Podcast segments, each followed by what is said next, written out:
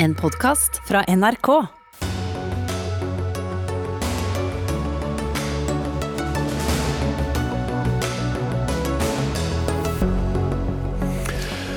Lavere oljeinntekter, flere eldre, høyere offentlige utgifter og færre som jobber. Lykke til fra dagens makthavere til fremtidige generasjoner. I dag kom perspektivmeldingen. Utfordringer som vi har sett før, men når kommer løsningene? Ikke reis med mindre det er nødvendig, sier Utenriksdepartementet. Mottatt, svarer reality-programmet Paradise Hotel og flyr av gårde til Mexico med journalister på slep. Kvinner er overrepresentert i akademia, men sju av ti professorer er menn. Tilfeldig? Neppe. Og norske kvinner som trenger morsmelkerstatning, får ikke lenger rabatt i butikken. Årsak? Norge skal fremme amming i utlandet. Da sier vi riktig god kveld og velkommen til Dagsnytt 18 denne fredagen. Jeg heter eh, Espen Aas, og senere i sendingen skal vi også innom den mye omtalte vinterferien som etter hvert uh, står for døren rundt omkring i landet. Og for å si det sånn, i landet er viktig å ta med seg. Men vi begynner med dagens uh, store sak om oss selv. Det lykkelige og rike landet Norge, men snart er kanskje nachspielet over. For fremover så blir statens utgifter høyere. De eldre blir flere, de yngre blir færre, de som skal drive samfunnet. Perspektivmeldingen, som kommer med jevne mellomrom, ble på nytt lagt frem i dag. En slags glasskule i rapportform, som tegner et bilde av Norge og norsk økonomi helt frem til 2060, altså om 39 år. Da sitter ikke jeg som programleder i dette studio, jeg er for, langst, for lengst pensjonert. Politikerne som eh, bestemmer i dag det samme. Men du, Karoline Steen Nylander, du er eh, fortsatt i arbeidsfør alder i 2060. Du er 24 år i dag, er i jobb, selv om du ikke har fullført utdannelse, ei heller videregående skole. Men uh, når du tenker fremover på alle de årene du har igjen i yrkeslivet, kanskje 45 år, hva er mest skremmende? Nei, jeg syns jo at det, det, er klart at det fort blir at man ser for seg at man går i full beredskapsmodus og blir veldig redd. Ehm, det som tegnes opp i perspektivmeldinga er jo eh, enda dårligere klima, enda mer katastrofer. Eh, det er ehm, vanskeligere å komme seg i jobb, vi må eh, ha høyere utdanning. Så det er jo mange ting som, som kan veldig, virke veldig bekymringsfullt. Um, for min del så tror jeg nok at det må være altså klima- og miljøutfordringene som kanskje er det mest skremmende. Eh, fordi de også har så store innvirkninger på, på arbeidsplasser og på arbeidsliv. Da. Um, og der føler jeg nok kanskje at vi eller min generasjon, da har jeg opplevd å bli litt, eh, litt svikta, rett og slett. Um, at det har vært for passivt for lenge, og nå må vi se fremover, så ser vi konsekvensene av det. Mm. For Dette er jo ikke den første perspektivmeldingen som er lagt frem, de er mange, men nesten alle har jo pekt på akkurat de samme utfordringene. Så handler det om kanskje enda mer f.eks. om klimautfordringer i denne eh, perspektivmeldingen.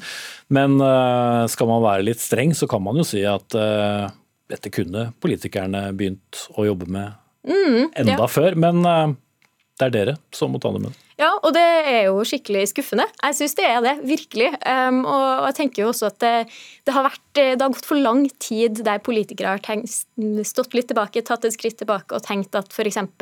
markedskrefter kan, eh, kan, ordne opp i det her sjøl. Eh, det har vært eh, for lite kanskje styring. da. Man har tatt for få politiske valg, kanskje fordi man har vært redd for å miste velgere eller vært upopulær. Um, og, og, nå er det jo min generasjon da, som må rydde opp i det. Mm. For Det er vanskelig å se for seg en politiker gå inn i en valgkamp uh, og si vi går til valg på å kutte. Vi går til valg på at veksten skal ned. Og jeg tror nok at, eh, Der tror jeg nok at min generasjon også er mer forståelsesfull for det. Jeg tror jo Det blir spennende å se i valgene fremover eh, hva, som, hva unge velgere er opptatt av. Mm. Ja, for Det var det egentlig jeg ville spørre deg om. fordi uh, Du kommer jo fra om ikke den, i hvert fall én av flere da, generasjoner eh, som har det bedre enn noen annen eh, generasjon før. Men spørsmålet er jo er din generasjon også beredt på å gå ned i levestandard? Nå skal jeg jo ikke snakke på vegne av min Neida, generasjon. men, her. uh, du er en av mange, ja. ja så, så jeg tror jo at det er viktig at det, det, det er mange med meg som sikkert er, er enig i at det er vi. Eh, Det handler mye om, om hva vi har nødt til, um, og, og det er ikke lenger et valg, da.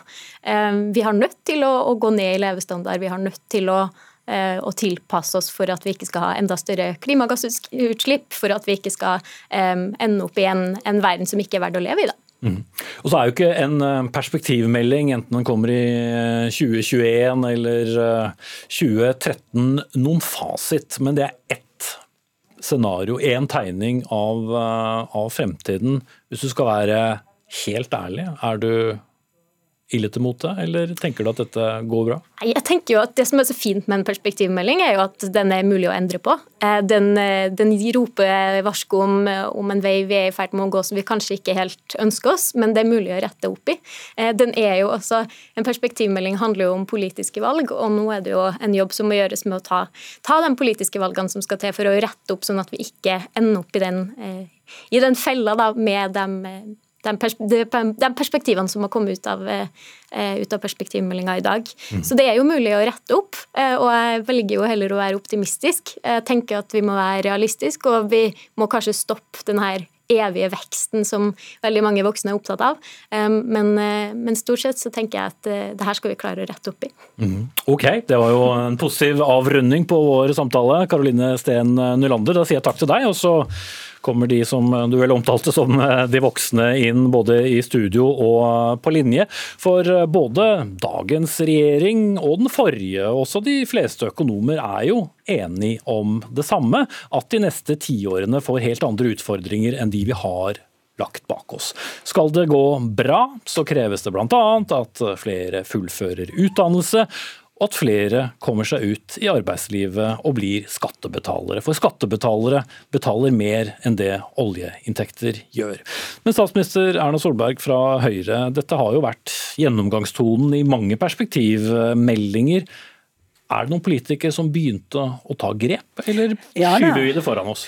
Altså, Det er mange endringer som er gjort i velferdsordningene våre. Det er ikke minst en stor pensjonsreform som er gjort for å få bedre balanse i i utgiftene og inntektene. Det gjøres mange tiltak for å bidra til at vi eh, ikke minst inkluderer flere i arbeidslivet. Et viktig resultat vi ser nå, er jo at eh, andelen som fullfører videregående opplæring, går fremover. Har gått fremover hvert eneste år så lenge vi har sittet i regjering. Det er veldig viktig, fordi at eh, vi vet at for uh, sannsynligheten for å bli stående utenfor arbeidslivet er mye mye høyere hvis ikke du fullfører videregående. Og vi vet at det er færre og færre ufaglærte jobber. Det vil gjøre det vanskeligere å komme inn i arbeidsmarkedet. Men det er så mange ting vi må gjøre på en gang, og det tar så lang tid, disse tingene. Så det er kanskje fort gjort å glemme at vi har faktisk reformert en hel del ting opp gjennom årene. Og så Men vi har ikke løst det. altså Nei, Dette er men- et langt arbeid. men det, dette løses ikke sånn ved å si at nå er vi ferdig, nå er vi heltid. Sant? Dette er reformarbeid som må skje hele tiden, endringer. En av de tingene som skjer, er at flere må jobbe mer. Um, da er det viktig å se på de som står utenfor arbeidslivet først og fremst, de som ikke er kommet inn. Så er det viktig å se på de som ikke jobber fulltid, men jobber deltid. Så er det viktig å se på de som jobber for kort del av livet sitt. Altså type sånn, hvis du studerer for lenge før du begynner å jobbe, så burde vi kanskje fått folk til å begynne å jobbe litt tidligere. Eller, øh, og få folk til å stå litt lenger i jobb. Sant? Alle disse tingene er viktig. Men vi er jo det landet i OECD med høyest andel av arbeidsstyrken på uføretrygdeytelser. Vi har det høyeste sykefraværet. Er det Men- da løsningen å si at enda flere skal eh, jobbe mer og jobbe lenger? Ja, men du må huske at vi har gode inntektssikringsordninger i Norge. Eh, Det betyr at eh, i mange land så er det en hel haug som ikke er på noen av disse, verken er i jobb eller er på en ytelsesordning. Så disse tallene blir jo ikke helt sammenlignbare, fordi de forsørges av familien. Vi har flere som er på denne typen ordninger. Og så er det jo sånn at Norge har, jeg har iallfall denne ambisjonen for Norge, at Norge ikke skal konkurrere om å være billigere, vi skal konkurrere om å være smartere, mer nyskapende. For det at det å konkurrere om å være billigere, som kunne gitt oss mange ufaglærte jobber, det ville samtidig betydd at velferdsnivået i Norge hadde gått ned for alle. Mm. Og det vil jo ingen politiker uh, se. Tidligere i dag så hentet jeg frem en reportasje som jeg laget til Dagsrevyen i 2013 om perspektivmeldingen. Og den gang var du en del av regjeringen eh, som la frem den, Arbeiderpartileder Jonas Gahr Støre. Mye var likt om perspektivene, og mye var likt også om løsningene. Hvis eh, du skal se på deg selv og Erna Solberg og andre som har styrt landet, har vi vært eh, flinke nok til å ta tak i problemene? Jeg syns vi er ganske flinke i Norge. Da. Norge er et bra land å leve i, la oss si det. Og Karoline som vi hørte på, syns det var veldig interessant å høre på henne. Hun, hun, er urolig, men hun ender opp med å si at hun er optimist. Det er mulig å endre på dette, og det er jeg enig i, men jeg tror det trengs langt kraftigere grep. Erna Solberg sier at vi må se på det ene og andre. Jeg tror vi må gjøre en god del mer. Det er ikke riktig at vi inkluderer flere. Antall unge uføre er doblet på Erna Solbergs vakt. Eh, og av de ledige vi nå har, over 200 000 helt eller delvis, så er altså hver fjerde ungdom. Det uroer meg, fordi at denne utviklingen i retning av å si at det du velger når du går inn i videregående, det fagbrevet du tar, den studieretningen du tar, det fører ikke nødvendigvis til at du får en jobb på den andre siden. Og jeg tror vi må ha mye sterkere tiltak, mye mer direkte tiltak, både for å støtte disse unge som er i en vanskelig situasjon, ikke kutte ytelsene deres. Denne regjeringen har tenkt at kutter du ytelsene, så blir de litt mer oppmuntret til å jobbe. Jeg tror det er feil. Så jeg tror vi trenger sterkere lut for å lykkes med det vi egentlig er enige om. Flere kan og vil jobbe, og det er arbeidet vårt. Husk på det, 75% av vår nasjonalformue, det er arbeidet. Oljefondet er fint å ha, men det er ikke det som avgjør om vi klarer men, å løse men, ingen oppgavene. ser jo helt ut til å knekke den uh, koden. Er da et annet alternativ å si at i fremtiden så skal vi ha dårligere tjenester, dyrere tjenester eller høyere skatter for å betale for, for å opprettholde det tjenestenivået vi har Nei, i dag? jeg tror, ikke, jeg tror ikke det er svaret. Eh, jeg tror at det å investere i velferd gjør oss faktisk i stand til å jobbe. Så den linjen med å si at nå skal vi kutte ned på dette, vi skal liksom kutte tilbake, det er ikke veien å gå. Men, men, jeg tror tiltakene for å sikre at vi kan jobbe Noen av oss kan jobbe fullt og helt, og derfor er dette med hele, faste stillinger og et seriøst arbeidsliv så viktig. fordi at Karoline var 19 år, men de 15-16-åringer som skal velge utdanningsvalg, hvis de ser et arbeidsmarked innen de områdene de vil jobbe, helse, har ikke nok hele stillinger, eller ut i industrien, og der er det ikke norsk på arbeidsplassen, eller du får bare deltidsstillinger, så velger de noe annet. Så det å ha et seriøst arbeidsliv, det er en nøkkel til å få flere til å jobbe. Eh, perspektivmeldingen legges eh, vel kanskje for første gang eh, også frem i et valgår, og det kan jo gi en interessant dynamikk. Erna Solberg, vil det være f.eks. regjeringspartier? Det er kanskje ikke første gang hvis du skulle korrigere det. Det er faktisk alltid vi forsøkte oss på en vri. Vi ville egentlig legge frem en i fjor okay. for men... at den skulle ha større innvirkning på programarbeidene til partiene. Så fikk vi noe som het covid-19, og det ødela liksom arbeidet med det. Og skiftet finansminister og litt annet. Ja. Men uh, ja, det var bare at jeg ødela mitt eget retoriske poeng. Men vi skal i hvert fall inn i en valgkamp uansett. Kommer du til å si at du går til valg for å kutte kutte i offentlige budsjetter og love mindre penger til gode formål, som jo ville kanskje gjort det lettere for fremtidige generasjoner? Jeg kommer til å gå til valg for at vi skal skape mer og inkludere flere. og Det er hovedbudskapet også i perspektivmeldingen. Det er at vi er nødt til å ha flere private arbeidsplasser. Vi er nødt til å utvide eh, områdene vi har bedrifter på. Vi er nødt til å få flere næringsgrunnlag for Norge, og vi er nødt til å videreutvikle de næringene vi allerede har. Mm. Veldig mye av dette ligger jo f.eks. i det grønne skiftet, hvor vi ser, vi ser egentlig at det bobler ganske mye for norske bedrifter og ny teknologi for tiden. Voldsom aktivitet på batteriområdet, voldsom aktivitet i skipsfarten, voldsom aktivitet på disse områdene for teknologiendring, som det er mye spennende som skjer. Men så kommer jeg også til å si at vi skal inkludere flere. og Vi har en helt systematisk arbeid på å få til nettopp det at flere flere fullfører videregående, flere blir i arbeidslivet. Okay. Og selv om det er litt flere unge som er uføretrygdet. Og det kan vi gjøre noe med de som er sånn, blir for fort uføretrygdet. Men de fleste unge som blir uføretrygdet, de er det fordi de er alvorlig syke. Det er flere, det er flere som før døde før de ble voksne, som mm. nå lever. lever og det er bra. Mm. Men det koster. Mange tunge multifunksjonshemmede, at tunge funksjonshemmede lever lengre, skal, er et gode i vårt samfunn. Mm. Men Vi snakker altså mye om å holde veksten oppe og at vi skal jobbe mer. Men må vi det? Uh, Une Bastholm, leder av Miljøpartiet De Grønne, dere stiller jo det spørsmålet og har vært opptatt av at man kanskje skal jobbe mindre. Uh, og Må vi ha en fremtid der veksten skal øke? Hun som var her første studio så jo for seg at det ikke skulle bli sånn. Ja, Det mener jeg er jo et viktig spørsmål. og Regjeringa legger nå opp i perspektivmeldinga til 70% vekst i BNP. Eh, og Vi trenger ikke engang å ønske en reduksjon i BNP for å lure på er, det nødvendig. Og jeg tror jo at veldig mye handler om, eller Der vi kan være enige da, og egentlig burde begynne diskusjonen, er det her med inkludering i arbeidslivet. For det Noe som alle er enige om, er jo at noe av det viktigste for inntektene til velferden vår og fellesskapet vårt, det er at folk stort sett er i jobb. Det betyr at de også må ha det godt i den jobben. Eh, og For en del yrkesgrupper i Norge så er beskjeden om at du skal jobbe mer, det er det motsatte av det de trenger. Derfor jobber de jo tvert imot, egentlig, for å få mer muligheter og rettigheter til å kunne ha kortere arbeidsdager. Og Et veldig godt eksempel på det er helse og omsorg, en sektor som vi vet at også kommer til å vokse framover. Hvor nettopp det å kunne ha redusert arbeidstida er det som gjør at flere kan stå i jobb lenger. Eh, arbeidsplassen blir mer inkluderende, færre blir ufør. Eh, og, og, vi kan til og med gjøre at noen av de uføre tør å komme tilbake igjen, for det blir mer inkluderende, lettere å kunne eh, være en del av fellesskapet uten å jobbe 100% og uten å jobbe så mye som man gjør i dag. Um, og Jeg er jo litt opptatt av at jeg tror liksom veldig ofte når vi snakker om sånn, både perspektivmeldingsdebatter, men også økonomi generelt, så har vi litt sånn det er nesten som man skulle tro at økonomien at, at fellesskapet, livskvaliteten, at velferden vår skal tjene økonomien, men det skal jo være omvendt. Eh, så Økonomien og det at de tallene går opp i et Excel-ark, det skal vi egentlig bare passe på for å vite at vi har det godt. Og Da må vi begynne med hva er det folk i Norge trenger. Og, og Spør du folk, så er det jo for det første veldig forskjell. Noen trenger høye lønn og mer trygghet i arbeidslivet. Andre ønsker å jobbe mindre, og ganske mange faktisk, veldig mange flere enn dem som sier at de ønsker mer kjøpekraft. Så vi må passe på at vi ikke havner i et hamsterhjul Eh, som gjør at vi alle sammen skal løpe mer og kjøpe mer og jobbe mer for å få en vekst i økonomien som igjen skal gi oss en velferdsstat som da skal bøte på alle de eh, ulempene det har, at vi alle sammen må springe så mye mer. Fordi Vi er ikke maskiner, vi er mennesker. Og vi har begrensninger, vi trenger et liv ved siden av jobben. Jeg vil ha en eh, på det før, så skal du få ordet, Solberg. Altså, eh, det er mye klokt i det eh, Une Bassum sier nå. Jeg tror vi kommer til å se det litt variert. Eh, det kan hende en god del av de som i dag er helt utenfor arbeidsmarkedet, kan komme inn i arbeidsmarkedet hvis de får jobbe litt mindre enn helt fullt. Men jeg tror prinsippet om hele, faste stillinger, særlig inn i dette viktige hele omsorgsfeltet vårt, er viktig. Utfordringen som vi ser nå, Erna Solberg sier skape mer, inkludere flere. Problemet er at vi på mange områder skaper mindre. Eksporten vår går ned og er i ferd med å liksom komme i minus.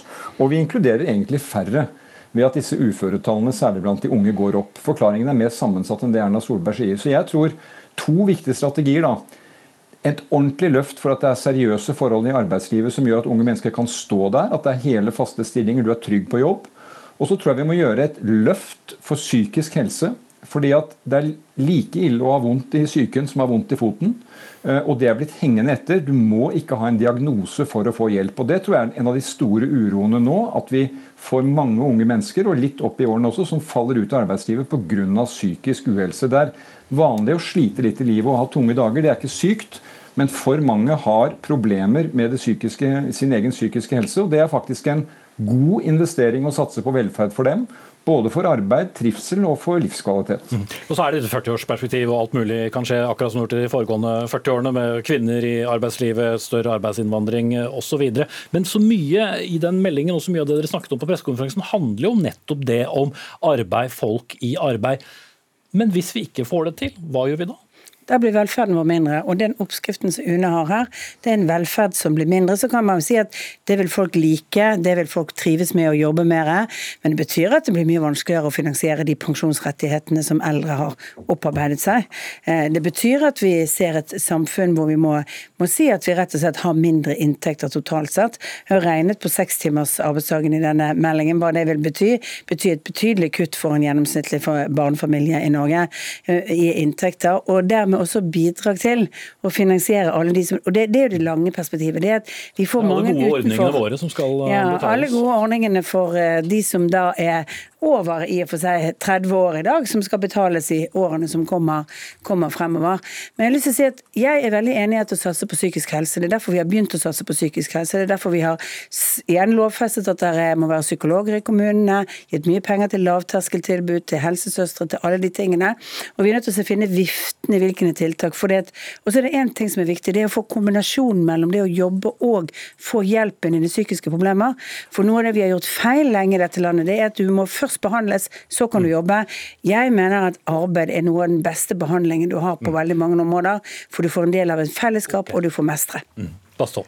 Jeg ønsker en debatt som handler om hva som skaper helse. Veldig mye mer enn hvordan du hindrer uhelse, eller hvor mye penger vi skal bruke på psykisk helse. Fordi jeg, jeg, jo, jeg mener jo under koronapandemien nå at vi har sett også at det har trengtes veldig mye større investeringer f.eks. i psykisk helsetilbud for unge. Og Unge har jo virkelig vært taperne, ser vi jo på statistikken, på ensomhet og, eh, og, og også andre psykiske plager under koronapandemien. Men eh, da har liksom svaret hele tida også vært fra regjeringa men se, her kommer noen millioner til, til, til psykologene. Bra i seg sjøl, men, men, men hva er det som gjør at vi mennesker har det bra? Da? Og Når vi skal snakke om en perspektivmelding hvor, hvor vi legger så mye ansvar på eh, ja, Nå er jeg 35 år, så de fleste av dem som skal bære mesteparten av ansvaret, er også yngre enn meg. Men jeg føler jo til og med at det angår, angår på en måte også min generasjon. Jeg har hørt om eldre, den såkalte eldrebølgen jeg, siden jeg begynte å være opptatt av politikk, så det er ikke noe nytt for oss. Eh, og, og det her er på en måte er vi innstilt på, og spørsmålet er jo hvordan klarer vi å ha det inkluderende arbeidslivet hvis vi ikke er i stand til å se at vi ikke bare kan be folk om å jobbe mer? F.eks. i en del yrker så er jo stoppeklokka selve grunnen til at folk slutter. Altså Hjelpepleiere som, som springer så mye at du, du opplever du har ikke noe verdighet i jobben lenger. Du føler ikke at du kan gi den omsorgen som du egentlig skal gjøre. Så Vi må skille mye mer framover tror jeg også, mellom de jobbene som robotene kan gjøre, som gir mening å effektivisere, som, gir, som er mer mekanisk, og de jobbene som handler om å ta, uh, ta vare på andre eh, mennesker for eksempel, som, hvor det ikke er et mål å være effektiv. Eh, det er heller ikke et mål å jobbe mest mulig, men målet er å gjøre en god jobb for noen andre du jobber for. Jonas Gahr Støre, eh, til slutt, eh, kan du se fremtidige generasjoner i øynene når du ser tilbake på at vi har lagt frem så mange like perspektivmeldinger, og vi fortsatt skisserer de samme problemene? Vi kan godt diskutere hva vi burde gjort tidligere, og det tror jeg alltid, i den grad vi får lærdom av det. Nå må vi jo ta denne meldingen, eh, som er mye grundig fagarbeid der, eh, og diskutere hva vi skal gjøre framover. Hva vi skal satse på i valget. Jeg tror jo at denne klimautfordringen Vi har jobbet veldig mye med det i vårt partiprogram for å få det til å gå igjen på alle områder hvor vi må nå legge om. Men vi har jo kommet til at det er jo en stor mulighet.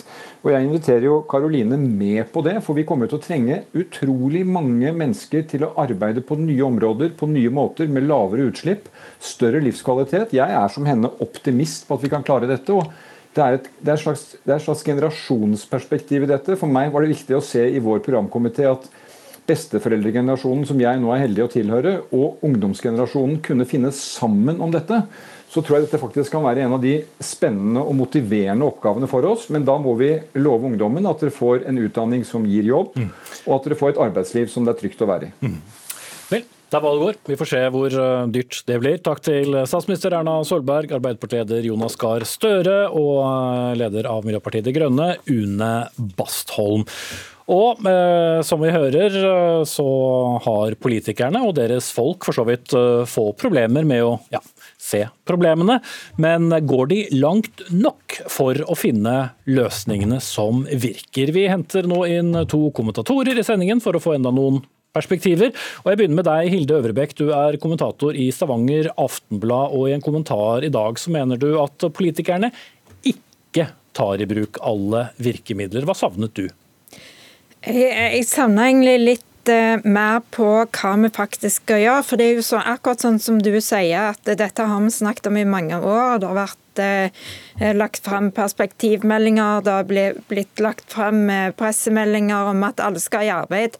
Eh, men det er veldig mye mer vi kan gjøre på de store pengene hvis vi skal få budsjettene til å gå opp. F.eks. som vi ser på sykelønnsordningen. Det er et Holden-utvalg som holder på og ser på dette nå, og har kommet med forslag denne uken på hvordan vi kan endre dette. Men det blir veldig fort til at det blir bare prat. Det blir ikke noen konkrete tiltak. Og som du sier, det er et valgår. Det, eh, sykelønnsordningen er som en stor elefant i rommet. Eh, Men der sier alle at den vil ikke røre. Uh, Så der blir det vel ikke noe flertall for å, å røre den? Ja, det er nettopp det som kanskje er litt av problemet. fordi at det, eh, det er jo nettopp det som uh, henger sammen med uh, den høye det høye sykefraværet og at det er så mange uføre i Norge, er jo kanskje nettopp det at vi ikke tør å se på de ordningene og se om det er en måte å endre de på. Ja, for Lars Nehru Sand, du har også skrevet om dette dag, politisk kommentator her i NRK. Hovedbeskjeden meldingen, i meldingen den er ikke ny. Det som er nytt er at man kan ikke skyve det foran seg lenger. Men man klarer det kanskje litt til? Kanskje i fire år til. Men, eh, men det er jo dette tiåret man hele tiden, og spesielt av slutten av det, som hele tiden har pekt frem som en, ja, som en ny epoke eh, i historien om hvordan norsk politikk og økonomi må, må, tilpasse seg en ny virkelighet. Og Det vil de eh, politikerne som blir valgt inn på Stortinget til høsten, merke på en helt annen måte enn det Erna Solberg har gjort i, i sin politiske karriere så langt. Mm. Men så er det jo eh, så vanskelig å være den partilederen og den politikeren eh, som sier at eh, nei, da, jeg, jeg, går til valg på, på litt dårligere tilbud. Altså, hvordan skal man klare den balansegangen? For det er, jo, det er jo ingen som egentlig vil ha det dårligere enn vi har i dag. Nei, altså Vi har jo klart det med pensjonsreformen, og det har eh, vært andre reformer også som eh, jo har lært oss at, at det er krevende å, å gjennomføre eh, omfattende reformer som vil møte kritikk, og som kanskje vil ta tid også, som Solberg var inne på, før de gir resultater. og Det eh, betyr jo igjen da at man må bruke mer tid på å forberede seg på, på dette taktskiftet, som uansett vil komme. Og Det handlingsrommet eh, som regjeringen har hatt når de har lagd statsbudsjett, som har gitt dem litt eh, arbeidsro og litt muligheten til å, å, kunne gjøre ting som er gøy, ikke bare ting man må gjøre. Det blir mye, mye mindre ganske raskt inn mot 2030. og Det er en viktig påminnelse til politikerne at nå står vi her Eh, hvor, hvor, det fortsatt er litt eh, handlingsrom igjen. Men, men, det er ikke nødvendigvis 40 år frem i tid at det problemet oppstår. Det kommer til å oppstå ganske snart. Mm. Og Hilde Øvrebekk, eh, inntektene til de selskapene som seilholder til i den byen du er i, de vil bli mindre. altså Oljeinntektene går ned. Og skal vi da betale for offentlige tjenester fremover, og vi ikke klarer å ha flere i arbeid, så er kanskje alternativene at det vil koste mer å bruke offentlige tjenester, eller vil alle må betale mer skatt. Så det er jo ingen løsning som, som ikke gjør vondt, hvis vi ikke får deg til å få flere jobb. Men selv det kan jo gjøre vondt, som du selv skriver. Ja, nei, nei det, er eh, det er sannsynligvis sånn at vi må bidra mer eh, sjøl på, på, en eller annen måte. Det, det kommer an på partiene hva de velger som løsning. Enten om det er høyere skatter, eller om det er at vi må betale mer for private tjenester. Men, men det, vi kommer nok ikke til å oppleve i årene framover at vi får den samme velferden til den samme prisen, eh, eller at vi tjener så mye penger at vi ikke egentlig merker eh, at vi får så mye velferd for den fremover. Eh, så, så folk må nok bli vant til å enten bidra mer eller få litt mindre. Mm. Og Lars Nehru Hvis politikerne skal eh, vise ansvar, så er stortingsperioden 2021 til 2025 eh, den perioden hvor store eh, endringer og store nye reformer må komme. Ja, det, det, bør begynne nå. og det som, som jeg inn på, det vil jo være ulikt hvordan rød og blå side ser på det. og Det vil være uh, politiske debatter langs kjente skillelinjer om enten det handler om, uh, om skatt eller, uh, eller, det handler om brukerfinansiering eller, eller andre løsninger. Det store problemet med å få folk i jobb har jo nå to regjeringer hatt åtte år på seg uten å klare å levere på. Det er jo fordi det er eh, komplekst med det arbeidsmarkedet som er, og den, det kompetansekravet som er eh, med, i et moderne arbeidsliv som vi har i Norge. Mm. Takk til Lars Nehru Sand, politisk kommentator i NRK, og Hilde Øvrebekk, kommentator i Stavanger Aftenblad. Og Så får vi se da om vi eh, om 40 år får si kan den siste som forlater Norge, slukke lyset.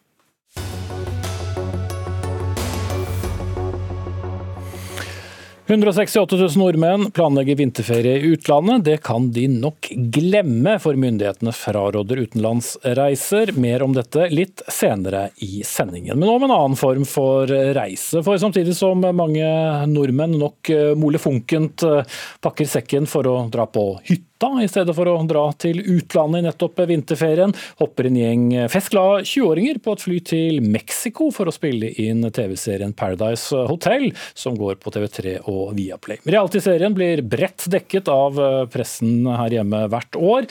I år blir neppe noe unntak. Journalister følger også med på slep og skal få med seg hvert shot og hver backstab som skjer, eller som vi sier her i Dagsnytt 18, hver pjolter og hver ryggdolkning. Vi har eh, invitert TV-kanalens eiere Nordic Entertainment Group til å stille til debatt om denne saken. De har takket nei, men lege og forfatter Kave Rashidi, du reagerer på at denne serien produseres på denne måten, og sier til VG at en sånn produksjon er en loddrett langfinger til hele dugnaden. Hvorfor lar du deg engasjere? Du, Det er sitatet til Kristin Gjelsvik, men jeg, kan, jeg, jeg kan for så vidt si meg enig i det. Uh, Utenriksdepartementet er jo veldig tydelige i sine råd. Man skal ikke reise til utlandet med mindre det er strengt nødvendig.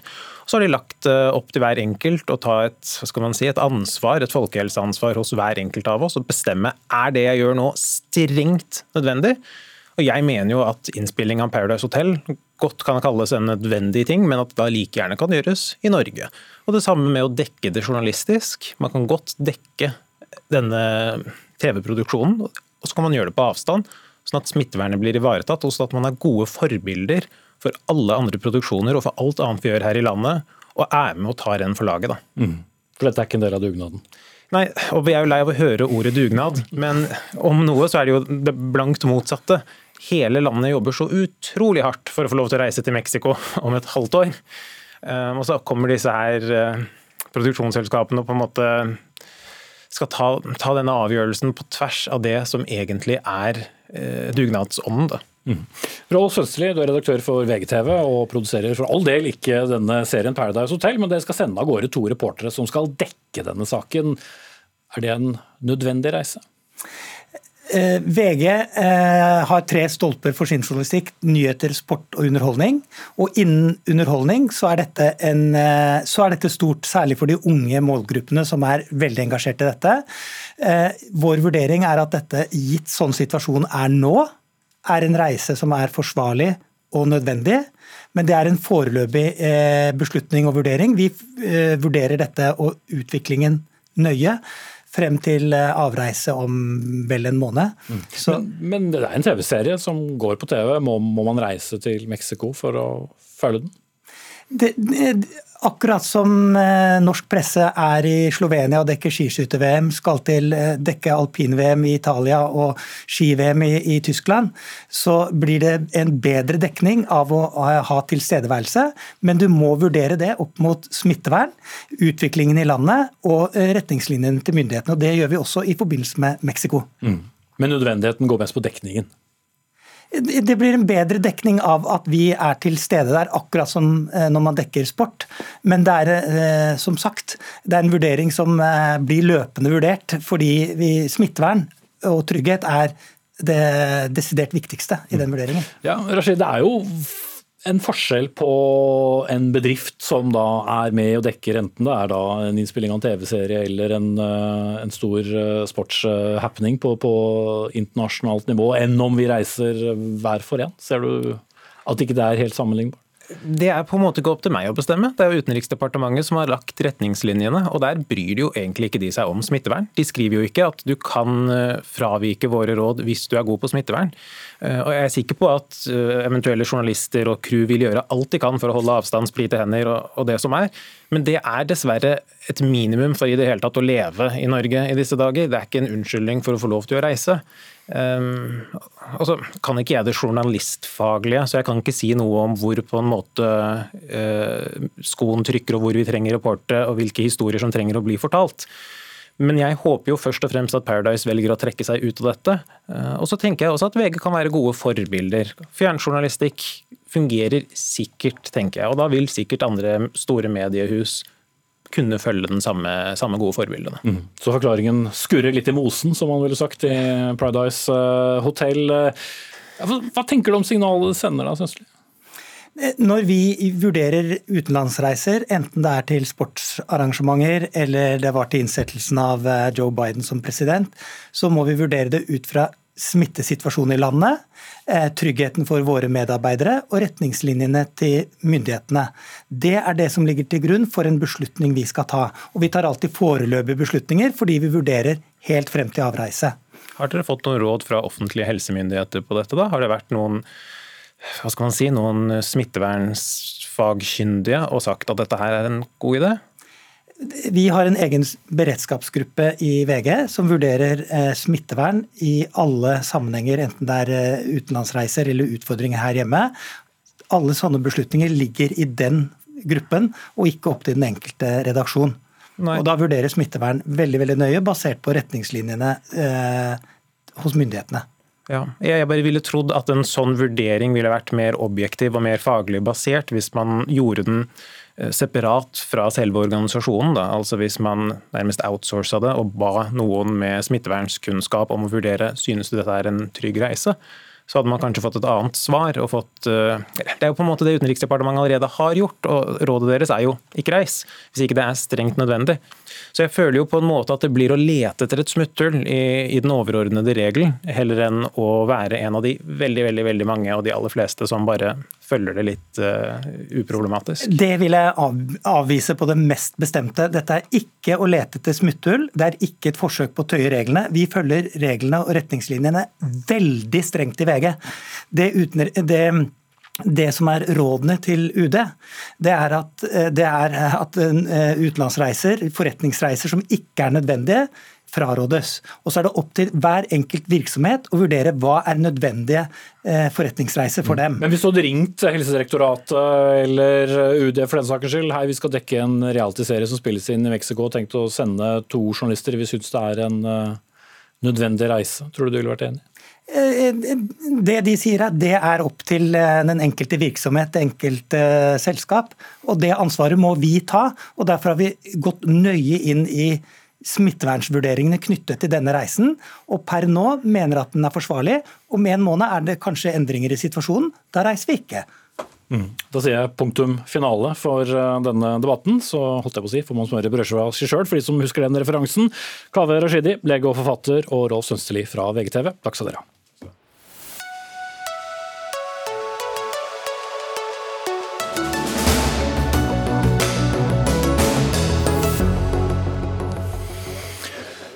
Kalenderen eh, den tipper tikker, eller den gjør for så vidt ikke det, men den kommer stadig nærmere vinterferien, som eh, gjerne er i uke åtte og ni, og noen ganger ti her eh, i landet. Og mange tusen nordmenn hadde planlagt å tilbringe vinterferien utenlands, fikk vi vite på dagens pressekonferanse.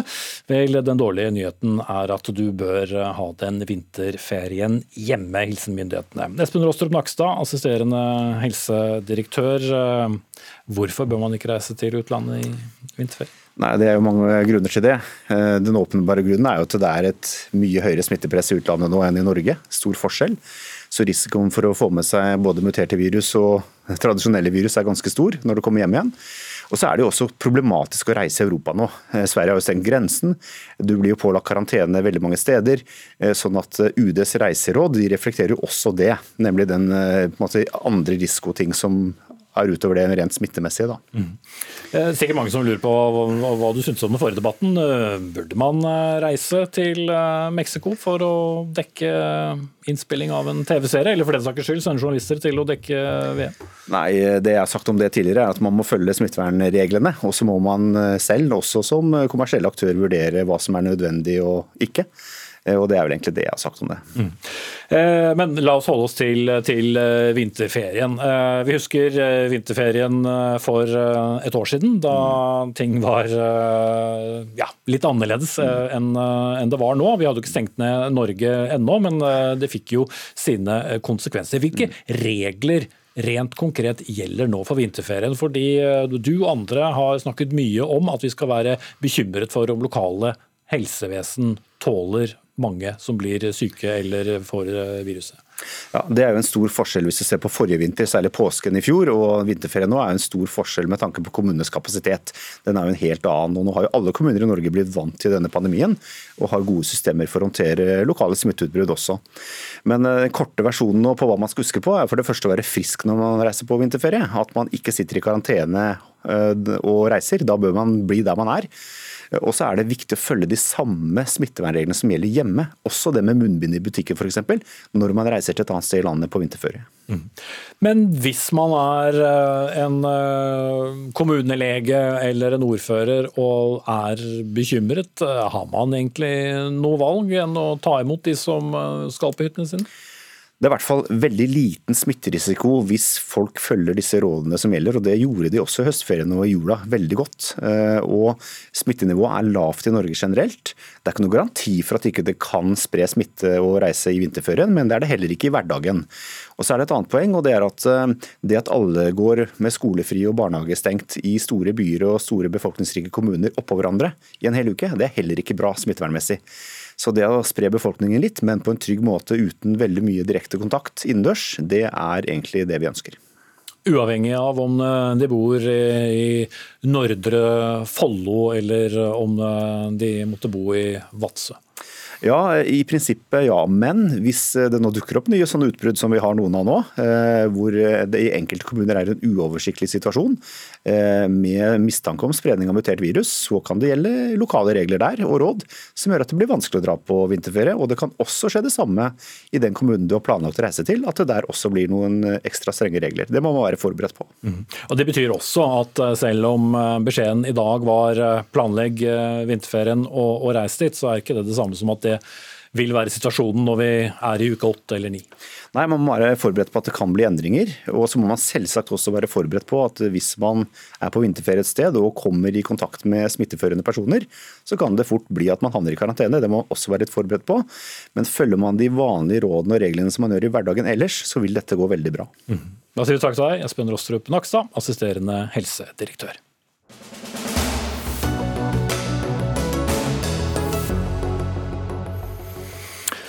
Denne uken ble den internasjonale dagen for kvinner innenfor forskning markert, og med det ble det nok en gang sagt satt fokus på manglende likestilling blant professorer. For bare tre av ti norske professorer er kvinner, til tross for at kvinner er overrepresentert i akademia. Siri Fjellheim, du er prorektor for forskning og innovasjon ved Norges miljø- og biovitenskapelige universitet, NMBU, hvis du skal ta kortversjonen. Eh, dette handler kort og godt om forskjellsbehandling, skriver du i en kronikk i Aftenposten. Hvordan da? Jo, ehm, jeg mener at kvinner og menn blir ubevisst forskjellsbehandlet eh, i akademia. I akademia er vi veldig opptatt av at vi, eh, vi har veldig sånn høye standarder, nøytralitet, vi tester ting osv. Eh, og vi er liksom opptatt av at vi, vi, vi blir bedømt veldig på prestasjonene våre. Men så viser det seg, da, når man studerer det litt nøyere, så klarer vi ikke helt det. da. Sånn at eh, det er litt lettere for menn å få publisert forskningen sin. Det er litt lettere for menn å få tilgang til å gi prestisjefylte foredrag, få tilgang på forskningsmidler, og få, bedre, få, få mer forskningstid. da. Og, og, det er ikke fordi de er flinkere til å skrive søknader eller er flinkere til å jobbe? Nei, eh, jeg mener eh, ikke det, da. Og så er spørsmålet om det er et problem. Det er et problem selvfølgelig fordi at det det spiller inn på mulighetene for å avansere i akademia, men det spiller også inn på mulighetene som vi har for å få tilgang til eh, god eh, forskning. Da? Fordi gode publikasjoner avler, avler gode publikasjoner og flere forskningsmidler, som igjen avler flere forskningsmidler. Mm. Svein Stølen, rektor ved Universitetet i Oslo, også de fire neste år, som det ble kjent i dag. Hva er din forklaring? Erfaring. Det er jo mange kvinner godt representert av akademia, men så ser vi dette som, som pekes på her. Hvorfor er det sånn? Nei, det er en utfordring. Nå er det jo sånn at tallene heldigvis blir bedre, men implicit bias, som det heter på godt norsk, handler om at det ligger noen sånne tanker i bakhodet som ikke alltid er framme i panna når du gjør vurderinger. Så det å jobbe med hele kulturen vår som gjør at man klarer å være jevnere i vurderingen av kvinner og menn, er faktisk en problemstilling som jeg tror vi skal ta alvorlig. Mm. Men er det også fordi at det sitter menn øh, i hovedsak og vurderer menn og kvinner, og det sitter menn og ansetter menn og kvinner? Det kan det være, men jeg tror også litteraturen faktisk viser at det ikke er så enkelt. Det kan også være at kvinner eh, vurderer menn bedre på samme måten med denne implisitte biasen. Og jeg tenker at Hvis vi ser framover, så kommer det jo en problemstilling til som handler om mangfold i samfunnet. Og Der har vi jo noe av de samme mekanismene som jeg tror vi må være veldig oppmerksom på. Mm. Men man kan jo gå rundt og være så oppmerksom man bare vil, uten at det endrer så mye. Hva kan man gjøre rent konkret, f.eks. ved et stort universitet som du selv leder? Det vi gjør, det er at vi prøver å øve folk som leder disse komiteene som gjør vurderingene, gjør de oppmerksom på hva som er utfordringen med implicit bias, se fellene. Jeg selv var utsatt for dette en gang, hvor jeg var på et seminar hvor en av professorene hos oss, Lena Tallaksen, fortalte meg om hvordan hun hadde opplevd den ene det andre små hva skal vi si, tilfellet i løpet av sin karriere, som hver og en kanskje ikke var diskriminering, men når du så denne helheten, så skjønte du at det lå noe systematisk bak. Mm. Det er det vi må jobbe med. For dette er på ingen måte nyheter for deg? Nei, det er nok dessverre ikke det. Jeg tror dette er vel kjent. Og, men det er viktig at vi tar det opp fortsatt, så jeg har satt pris på artikkelen i Aftenposten, absolutt. Mm. For jeg har også hørt om dette i veldig mange år, og du har sikkert uh, tenkt enda mer på det enn meg. Uh, Siri Fjellheim, uh, er det så vanskelig å gjøre noe med dette? Ja, det er vanskelig å jobbe med det. Fordi at vi har disse biasene, som Svein Stølen kaller det. og og hvordan skal man overkomme sånne? Jo, da må man jobbe med det. Man må jobbe med bevissthet. ikke sant? Eh, og så tror jeg det jobber litt eh, mot oss, det at her i Norge så Vi er jo verdens mest eh, likestilte land, ikke sant? Eh, dette kan da umulig skje her eh, i Norge. Og med veldig mange kvinnelige akademikere? Mange kvinnelige akademikere også. sånn at eh, Man må jo på en måte se litt på seg selv da, og rette blikket innover. Og på en måte ta inn over seg at man kanskje er en del av dette selv. da, før man... Ja, hvordan da? Altså kvinner Er kvinner verst, er det det du sier? Eller, hva, eller tenker Nei. du på, på, innenfor akademia som sådan? Innenfor akademia som sådan, ja. At vi må på en måte erkjenne at dette eksisterer som et fenomen. Da, for det tror jeg mange fortsatt ikke, ikke gjør. da. Mm. Selv etter eh, ganske mange opptellinger som, eh, som tyder på det samme. Ja, men spørsmålet er hvor godt er dette kjent eh, for alle i akademia? Det er kjent for kanskje noen ledere, det er kjent for noen som er spesielt interessert i temaet, men jeg, vet, jeg er litt usikker på hvor god kunnskapen er om dette er i hele organisasjonen. da. Mm, ja, Du har jo vært med noen vinternetter, Svein Stølen. Det er, virker jo paradoksalt at det skal være så vanskelig? Ja da, men jeg tror nok fort man kan tenke at det er veldig enkelt å være helt nøytral i enhver vurdering. Så jeg tror alle trenger å bevisstgjøres, og hver gang vi begynner å diskutere dette, så er det alltid litt diskusjon rundt er det reelt. Og man må bruke mye, ganske mye energi for å, for å, vise folket at det faktisk er en problemstilling. Eh, så dette kulturarbeidet for å få dette ned i, i ansettelseskomiteene, det er viktig. Mm. Men konkret, hva kan man da gjøre? Skal man kvotere? Skal man ha noen som stiller spørsmål en gang til rundt en ansettelse? Hva, hva, hva ville du gjort? Man har sånne ting. Så Fra det fakultetet jeg kom fra, så var det slik at man hver gang man lyste ut en stilling, måtte vise at man hadde gode kvinnelige kandidater som var tilgjengelige. Når man kom med innstillingene, så måtte man ha kvinnelige kandidater på shortlist.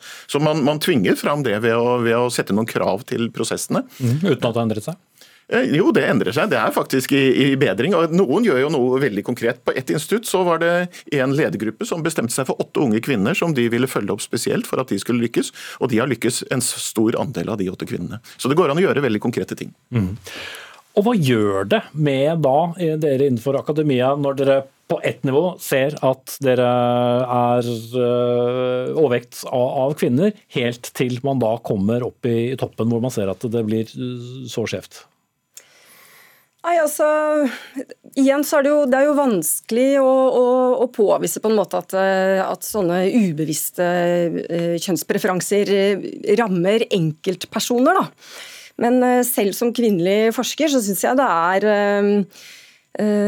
frustrerende å tenke på at jeg blir vurdert ut fra hvilket kjønn jeg har, ikke ut fra kvalifikasjonene mine eh, direkte. da. Selvfølgelig så vil det jo være forskjell fra situasjon til situasjon. og det er jo ikke, Dette slår ikke til i alle situasjoner, og det er sikkert forskjell fra fag til fag osv.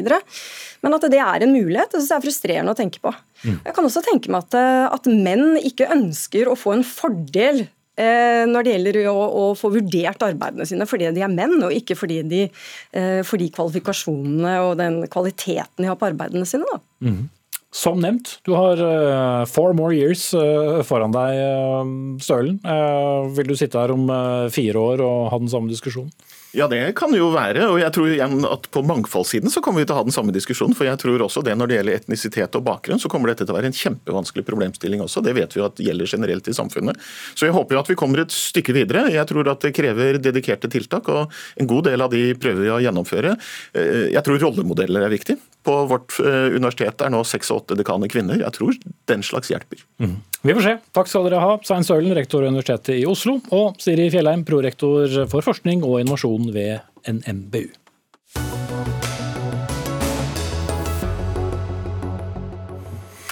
Morsmelkerstatning fjernes fra bonusordningen til dagligvarekjeden Coop.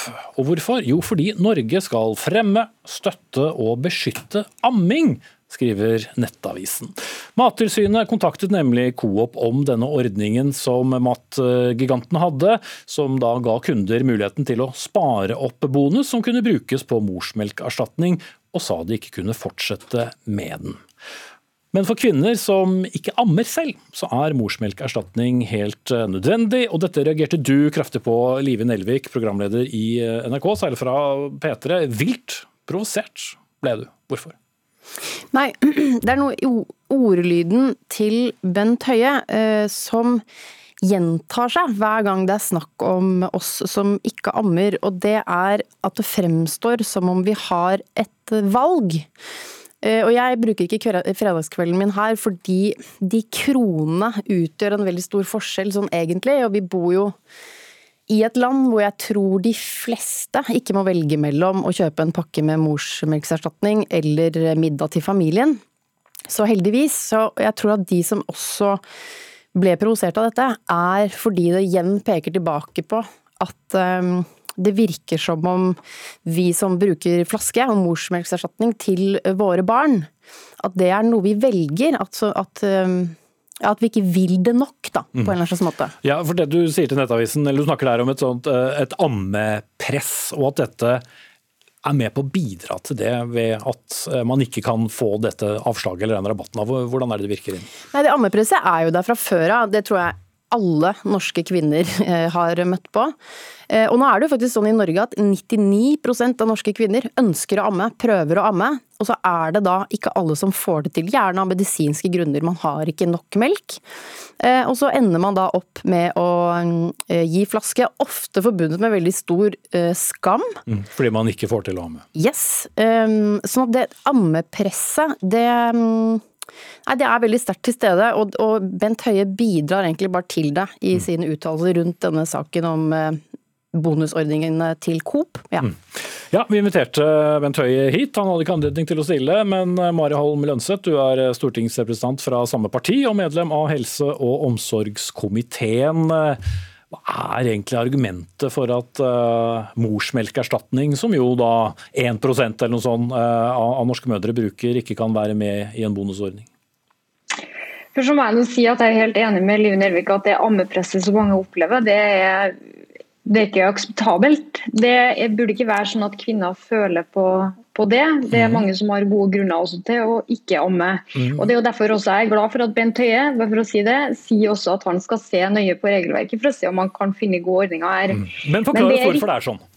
Ja, Årsaken til at det er sånn, da må vi også se utenfor Norges eh, grenser. Det er Verdens helseorganisasjon som også anbefaler og har et regelverk som vi har slutta oss til, som EU har slutta seg til, og som ganske mange FN har slutta seg til. Og det handler om at man i mange land, særlig fattige land, ser at det er ganske aggressiv markedsføring for morsmelkerstatning. Grunnen til at det er et problem, er at mange i disse landene ikke har tilgang på nok rent vann. Så det handler rett og slett om at det fører til sykdom og barnedødelighet som kunne ha vært unngått dersom man heller oppfordra til amming i de her landene. Så fordi at, at kvinner i utlandet ikke ammer nok, men velger morsmelkerstatning, så kan vi ikke ha rabatt på morsmelkerstatning i norske butikker? Det er nettopp derfor jeg mener at det er utrolig viktig at vi ser på det handlingsrommet som er i regelverket. Eventuelt om vi må se på helt andre ordninger for å sørge for at de som da bruker morsmelkerstatning, får en form for støtte på det. Mm. Logikken det er... var litt vanskelig å få tak i? Logikken er at det er en internasjonal avtale som vi har da forplikta oss til. Men det må gå an til å ha to tanker i hodet samtidig. Og Det syns jeg også vi skal bidra til. og Jeg håper også vi kan egentlig diskutere hvordan vi både kan få bukt med det ammepresset, men også hvordan tiltak det er som kan fungere godt i Norge. For både å ha solidaritet med de kvinnene og barna i de her utviklingslandene, men samtidig også selvfølgelig støtte opp om de kvinnene som opplever det her ammepresset, som som sagt ikke er akseptabelt å mm. føle på. Eller det er akseptabelt å føle på det, men som man burde unngå å føle på. Var det godt å få forklart dette nå, Live Nelvik? Jeg vet ikke, Det blir bare litt komisk eh, i solidaritet med kvinner i utviklingsland. Det er bare sånn at eh, situasjonen er jo eh, Og det vet jeg også, at det, det bunner jo de morsmelks, morsmelkserstatningsrådene i u-land, det, det, handler jo om at de ikke har tilgang til rent vann, og da blir det farlig. og Derfor fremmer man gjerne amming der. For det vil være et bedre valg. Men sånn som i Norge, Eh, så blir det sånn, så skal dere se på ordningene, og kanskje vi kan få en støtte. Jeg, vi ber ikke engang om støtte. Bare, kan dere ikke bare beholde de der få kronene som finnes i den bonusordningen? Og ikke blir det promotert heller, det sier jo Coop selv, at det er ikke noe sånn kjøp eh, tre for to og uh, se på dette fantastiske. Det bare står i hyllen, og så registreres det noen kroner hver gang du kjøper det. Så Det å fjerne det blir jo å skulle begynne med andre støtteordninger. Snakk om å gjøre det komplisert, kan du ikke bare la det stå? Mm. Jeg pleier ikke bare å snakke om å ha to tanker i hodet på en gang, Mara Holm Lønseth. Eh, for mange vil dette kanskje høres ut som to helt forskjellige saker. Ja, det kan fort høres ut som to forskjellige saker. og Det tror jeg kanskje har sammenheng også med at de rådene fra Verdens helseorganisasjon ikke først og fremst er mynta på land som Norge er, hvor utfordringene også er helt annerledes. Så Det er nettopp derfor vi må se på hvordan de ordningene kan bli eh, best mulig. Nå er det sånn at også Butikkene har jo også muligheten til å heller ikke ta like stor avanse på de her produktene også. Så Det kunne jo også vært en mulighet. Men jeg er først og fremst opptatt av hvordan vi også kan bidra til å redusere det ammepresset som mange kvinner føler på. For det syns jeg det er viktig også å få bort med. Men, men Live Nelvik, det du også reagerte på uh, innledningsvis her, var ordbruken til Bent Høie. Og selv om Marion Lønseth ikke er Bent Høie, så kommer de fra samme parti, parti, og driver noenlunde samme politikk. Så hvis mm. du kan utfordre henne på det? Nei, det jo, altså, dette inngår jo da i Nasjonal handlingsplan for bedre kosthold. Så gikk jeg inn, jeg gjorde litt research, gikk inn og leste den bare kortversjonen, for jeg orker ikke sånn masse vedlegg og små bokstaver og sånn. Men der er det jo sånn, står det eh, frukt og grønt, kornprodukter, fisk, kjøtt, alkohol, sukker, salt. Og alt dette er jo ting man kan velge å spise mer eller mindre av. Og jeg antar at dere vil at man f.eks. skal spise mer fisk, mindre salt, mindre sukker osv. Og, så og som en egen kategori her, så er amming som om amming for alle er et valg. Og der ligger ordlyden igjen, at det er ikke alle som kan kan velge. Og det er ikke sånn at hvis du vil det nok, så kommer det. Det er jeg litt lei av. Og det er da med på å øke dette ammepresset? Absolutt. Og så syns jeg det å si at dagligvare, dagligvarebransjen kan skru ned sin avanse, det blir også er litt sånn ansvarsfraskrivelse, eller bare dytte det over på dem ved å si vi tar bort bonusen, men de må gjerne skru ned prisen. Jeg skjønner ikke hvorfor man ikke bare kan beholde de små kronene. Mm. Det høres jo enklest ut da, Lønseth? Intensjonen er absolutt ikke å, å, bidra til noe ammepress, og jeg vil absolutt ikke fraskrive meg noe ansvar. Tvert imot så er jeg veldig opptatt av å kunne løse utfordringer som folk føler på. og Derfor så mener jeg at det er helt viktig og riktig at man nå også går gjennom hele regelverket, ser om det er noen muligheter for å få til bedre ordninger mm. for det her, eventuelt innføre egne ordninger for det. Ja, for amming er jo sånn sett eh, gratis da, hvis man får det til. Å gå og kjøpe morsmelkerstatning koster uansett penger, enten man får den rabattert eh, eller ikke. Så om morsmelkerstatning er billigere i butikken, så er det ikke sånn at norske kvinner slutter å amme? Nei, eh, absolutt ikke. Det tror jeg absolutt ikke. Og jeg tror det som Live Nelvik også sier, man ønsker å få det til. Og Derfor så må vi også ha de gode ordningene når det da også er helt nødvendig. Ja, den gode ordningen er jo bare, er jo bare å beholde Bare la det stå. Ikke, ikke, bruk masse penger og tid. Dere har masse annet å bruke tiden deres på, spesielt nå. Det er ikke noe å gå noen runde på. Eh, her trenger ikke vi å høre på Verdens helseorganisasjon. For vi har rent vann, og 99% av norske kvinner ønsker, eh, skråstrek, forsøker å amme, og vi få som ikke får det til, kan vel da cashe ut 12 kroner og 50 øre på slutten av året. Mm. Jeg regner med Mari Holm Lønseth noterte frittig, stortingsrepresentant fra Høyre og medlem av helse- og omsorgskomiteen. Takk til Live Nelvik, til vanlig programleder i P3, men altså her kjent gjennom Nettavisen for sin frustrasjon over denne ordningen som forsvant.